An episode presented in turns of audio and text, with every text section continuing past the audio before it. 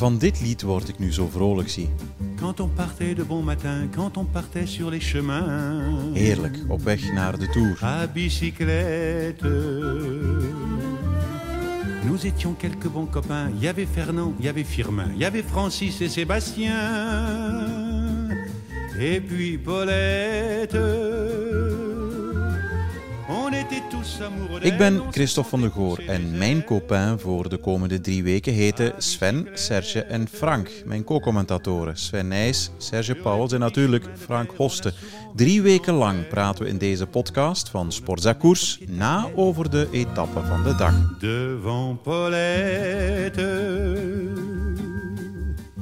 En avant met La Bicyclette van Yves. Montand en natuurlijk zijn Paulette, de dochter van de postbode en het mooiste meisje van het dorp. Et depuis qu'elle avait 8 ans, elle avait fait en le suivant tous les chemins environnants. À bicyclette.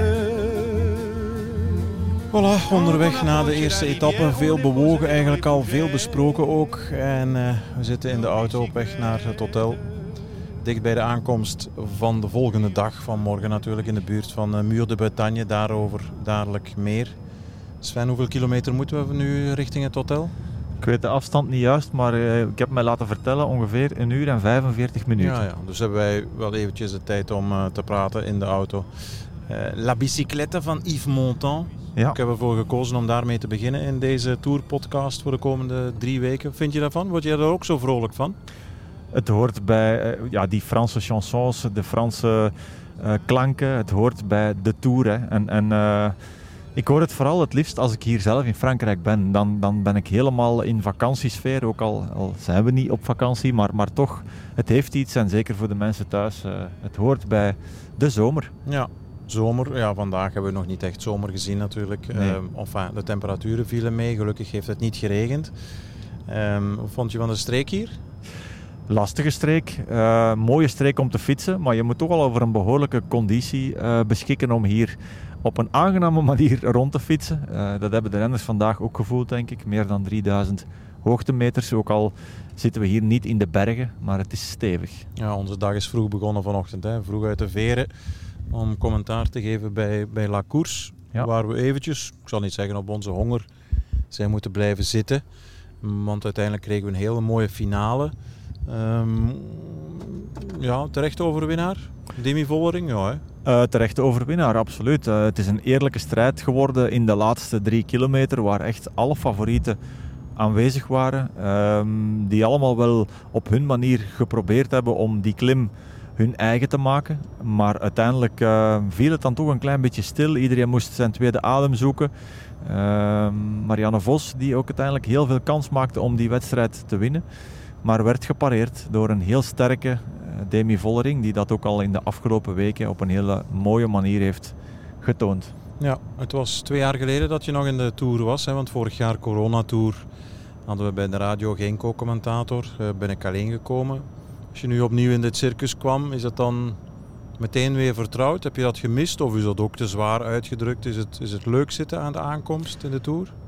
Ja, ik vind het heel leuk eh, om, om, om aan de aankomst te zitten. Je krijgt natuurlijk ook het beeld van hoe je die laatste klim zelf bent opgereden met de auto, om, en verkend hebt. En, en klopt dan eh, het idee dat je hebt hoe dat die koers zal gaan verlopen met, met wat je ziet in beeld. Ehm, daarover kunnen vertellen, over iets wat je natuurlijk jaren aan een stuk eh, gedaan hebt, in een peloton gefietst, op een hoog niveau aan sport gedaan.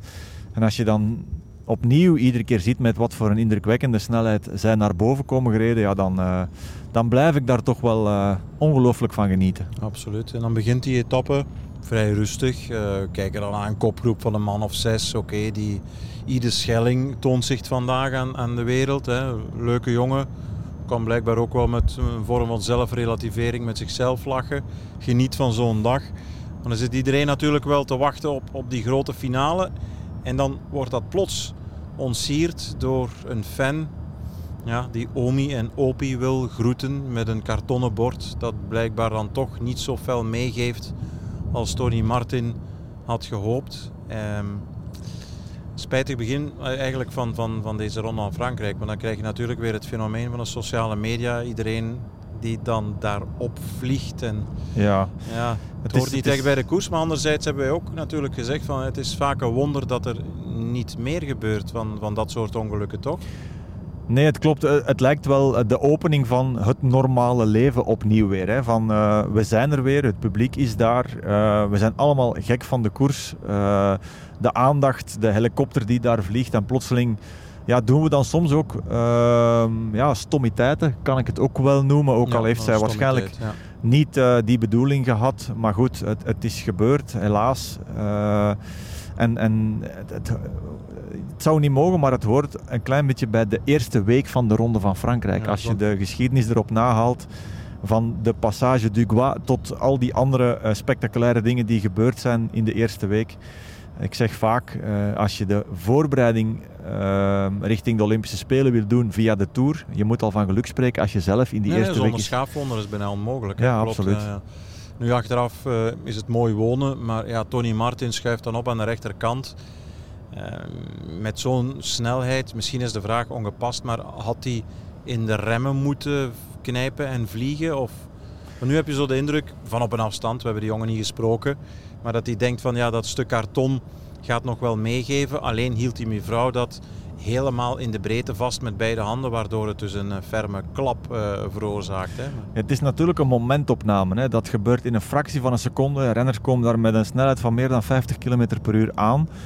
En plotseling zie je dat eh, karton. En, en, of hij heeft gedacht, ja, dat geeft wel mee.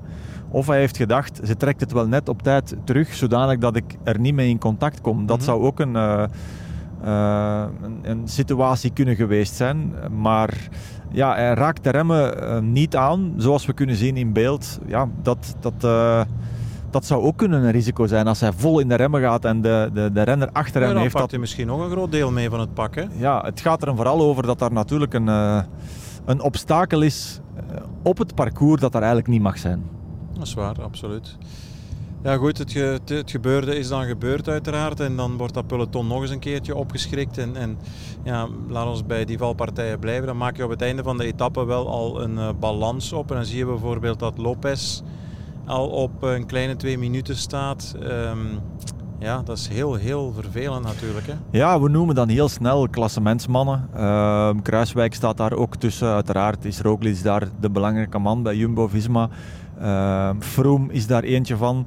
Maar er zijn ook heel veel mannen, eh, puncheurs, eh, sprinters, eh, mannen die heel veel werk moeten opknappen voor die kopmannen, die misschien wonden moeten likken. Die moeten een aantal dagen ehm, ja, heel veel energie verbruiken om, om eerst die schaafwonden terug te laten helen die ook een impact hebben op hoe de koers zal gaan verlopen. Ehm, initiatief nemen van bepaalde ploegen dat nu zal uitblijven. Mhm.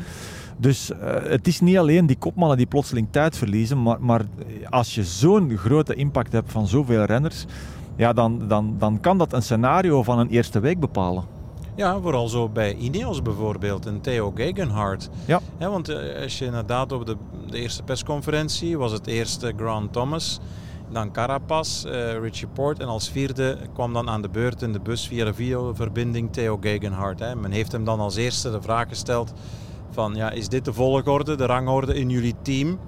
Eh Grant Thomas heeft dan daarop geantwoord ja. En Theo Gegenhardt fris van geest heeft geantwoord: ja, wat onthoud je het meest en het best? Dat is wel de laatste mens die je gesproken hebt. Dus dat toonde ergens wel aan dat die jongen ambitie had, een stille hoop. Ja, als dit dan al een kaart minder is om mee te spelen bij Ineos, en dan kan je aan de andere kant zeggen van ja, misschien kan die gaan demareren en, en een guerrilla-tactiek, maar je weet ook hoe de concurrentie reageert en redeneert natuurlijk. Als die jongen niet meer gevaarlijk is voor het klassement, laat hem maar rijden en eventueel een ritzege pakken. Dus dat, is wel, dat is wel een belangrijke factor vandaag die wegvalt.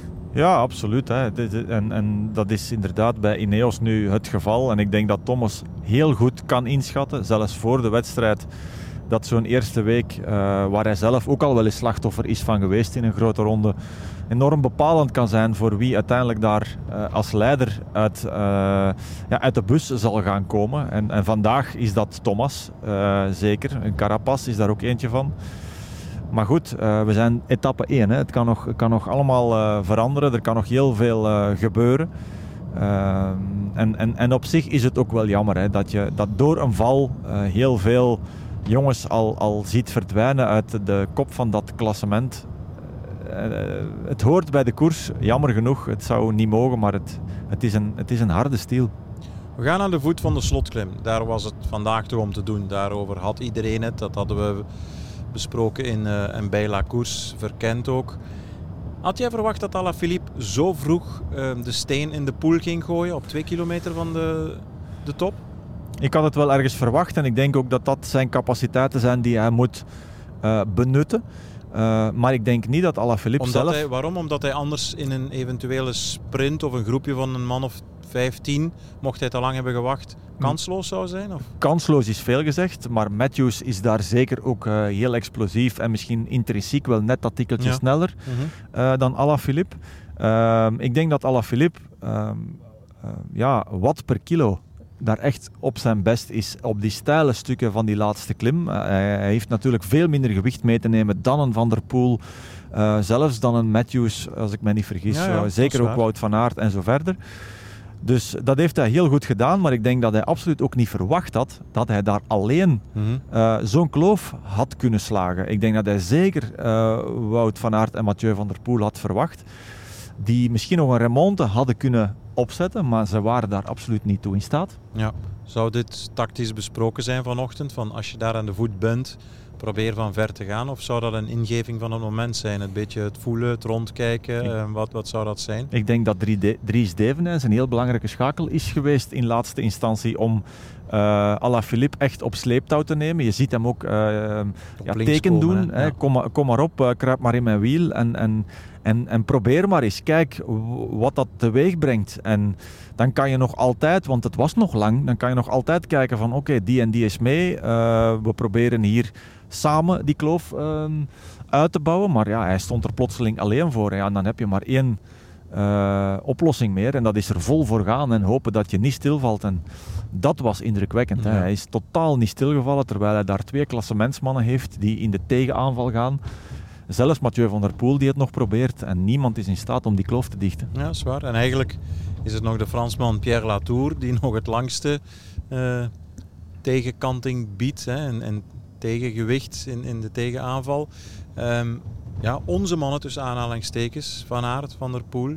Wat is jouw analyse over hen? Want meer van verwacht of niet beter kunnen? Want ze zeggen achteraf, ja, dat was gewoon een raket die vertrok, die Alaphilippe. Dat, dat heeft natuurlijk ook altijd te maken met hè, het verschil, Sven, tussen enerzijds de verwachting en, en de wens en het effectief kunnen. Hè. Tussen droom en daad ligt er veel, is nog maar eens gebleken. Ja, bij mij blijft uh, vooral wat ontgoocheling is veel gezegd, maar, maar blijft toch een beetje een, een situatie hangen die voor de klim ontstaat. Uh, je ziet duidelijk, ik weet niet wie het juist was, maar iemand wil Mathieu van der Poel naar voren brengen. Echt van achter, vanuit die groep, helemaal naar voren. En, en, uh, en die jongen slaagt daarin om zelf helemaal vooraan te geraken. En Mathieu uh, van der Poel lost gewoon dat wiel en komt niet mee in die slipstream om uiteindelijk mee bij de eerste vijf op te draaien richting de laatste klim.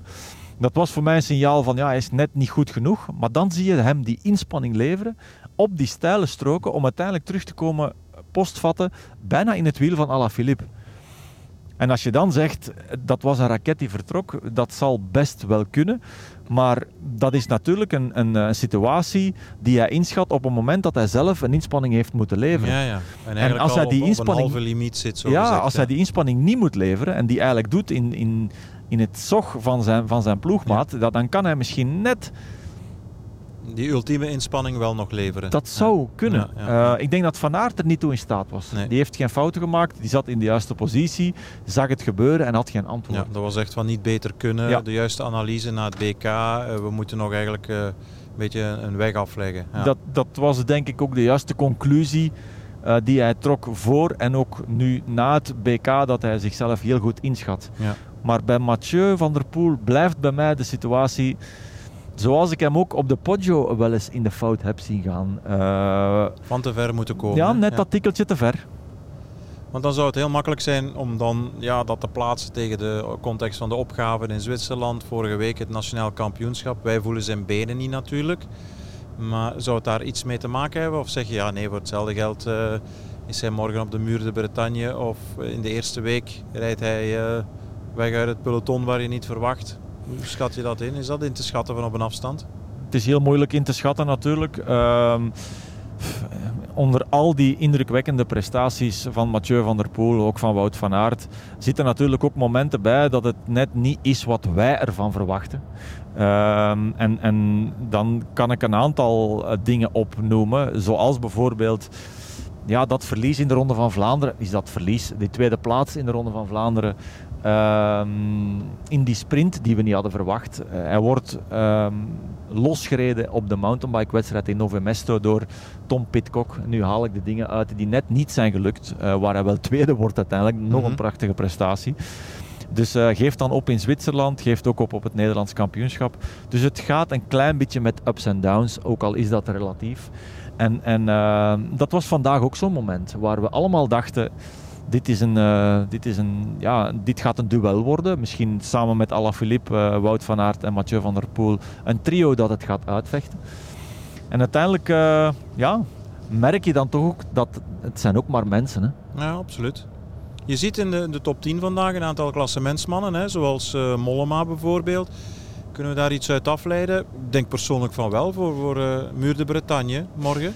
Uh, ja, ik denk dat dit een verlengstuk zal krijgen morgen op de Muur de Bretagne. En uh, je moest natuurlijk wel wat geluk hebben, bij die, zeker bij die tweede valpartij. Want dan kreeg je niet meer de kans om nog terug te komen. Dat je aan de juiste kant van de valpartij zat om het te kunnen ontwijken. Dat is één. Maar het zegt ook heel veel over die laatste klim. Die klassementsmannen die daar zitten, uh, zegt ook heel veel over de stijlte van het begin van die laatste klim en ook de lengte daarvan. Ja.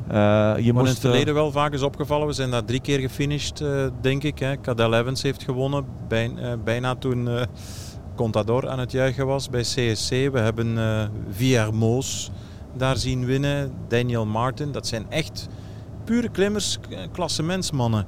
Um, ja, ik weet het eigenlijk niet. Zou het morgen te zwaar zijn, de muur de Bretagne, voor de 70-plussers? Ja, ik, ik, ik schat dat hun kansen vandaag groter, groter in dan, dan morgen. Uh, dan ja, morgen. Ja. En zeker met wat er vandaag is gebeurd en hoe we de jongens aan het werk hebben gezien, denk ik dat een, uh, een Alaphilippe, Matthews, zou eventueel nog wel kunnen. Maar vooral ook weer opnieuw de klassementsmannen met Pogacar en, en, en Roglic. Ja. Uh, daar twee jongens die zeker morgen een grote kans maken om die rit te winnen. Over die twee mannen nog even, en dan ronden we stilaan af. Die gaan ook in de tegenaanval op Alaphilippe. Is het dan, krijg jij ook de indruk dat het van niet beter kunnen was? Of was het echt naar elkaar loeren en voelen van... Wow, het is dag één. Ja, we zijn goed, maar we gaan elkaar hier even niet pijn doen of, of een seconde aftroggelen, de ene van de andere. Want we hebben elkaar misschien nog nodig later. Maar of heeft schat, daar totaal niks mee te maken? Nee, ik schat Alaphilippe zeker ja, niet lager in dan Roglic en Pogacar in dit, zo, in dit nee. soort werk. Uh, die explosiviteit is misschien nog net dat tikkeltje groter van hem. Uh, als je ziet wat hij ook bijvoorbeeld in een Milaan Sanremo heeft gedaan in het verleden en zo verder. Uh, ja, dan, dan is dit een normale situatie. Uh, natuurlijk, als de beklimmingen langer worden, als de, als de inspanningen na elkaar nog groter worden, ja, dan komen we bij een ander verhaal terecht. Ja. En dat is in het verleden ook al wel gebleken. Maar uh, nee. hij werd niet zomaar wereldkampioen. Nee, nee. Tot slot, dit is een, uh, een Tours-fan. Ja, niet de allerzwaarste. Gevarieerd, maar met een klassieke aanloop. We hebben een Alaphilippe gezien die uh, ja, bijna twee weken in het geel heeft kunnen rijden. Um, wat denk je? Want hij laat het zelf in het midden in de voorbeschouwing van de Ronde van Frankrijk dat, dat hij voor het klassement zou willen gaan. Zou dit een kans kunnen zijn of niet? Als wereldkampioen, zwevend, gezien in Zwitserland, heel goed uh, fietsend, rijdend? Of... Ik denk toch als uh, er, er, zijn twee tijdritten die uh, moeten afgewerkt worden. Hij kan dat wel, maar ik denk toch dat. Uh, het zijn geen tijdritten meer zoals vroeger in de tijd van Froome en Wiggins. Nee. 50, 40 kilometer, 60. Dat is niet meer het geval natuurlijk. Nee, dat klopt. Maar ik denk toch dat. dat ze hem niet zo heel veel vrijgeleide zullen gaan geven. En dat een, een Roglic en een Pogacar, als ik dan die twee jongens mag noemen. Ja eigenlijk ook niet zoveel aankomsten bergop natuurlijk. Hè? Nee, maar dat ze, ja, dat ze toch uh, op een bepaald moment het verschil zullen gaan maken ten opzichte van een uh, Alaphilippe. Ja, toch wel. Ja. Dat denk ik wel. Jouw eerste podcast in een auto? Ik heb nog niet heel veel pod- Ah, podcasts gemaakt, dus eh, Ben je niet populair? zeker niet in een auto. Nee. Wordt je niet vaak gevraagd? Ben je niet populair? Eh, die tijd is ook gepasseerd, hè, Christophe. zei hij met een lichte glimlach. voilà, dit was eh, de eerste van deze Ronde van Frankrijk. Dagelijks eh, zijn we terug bij u, beste luisteraar.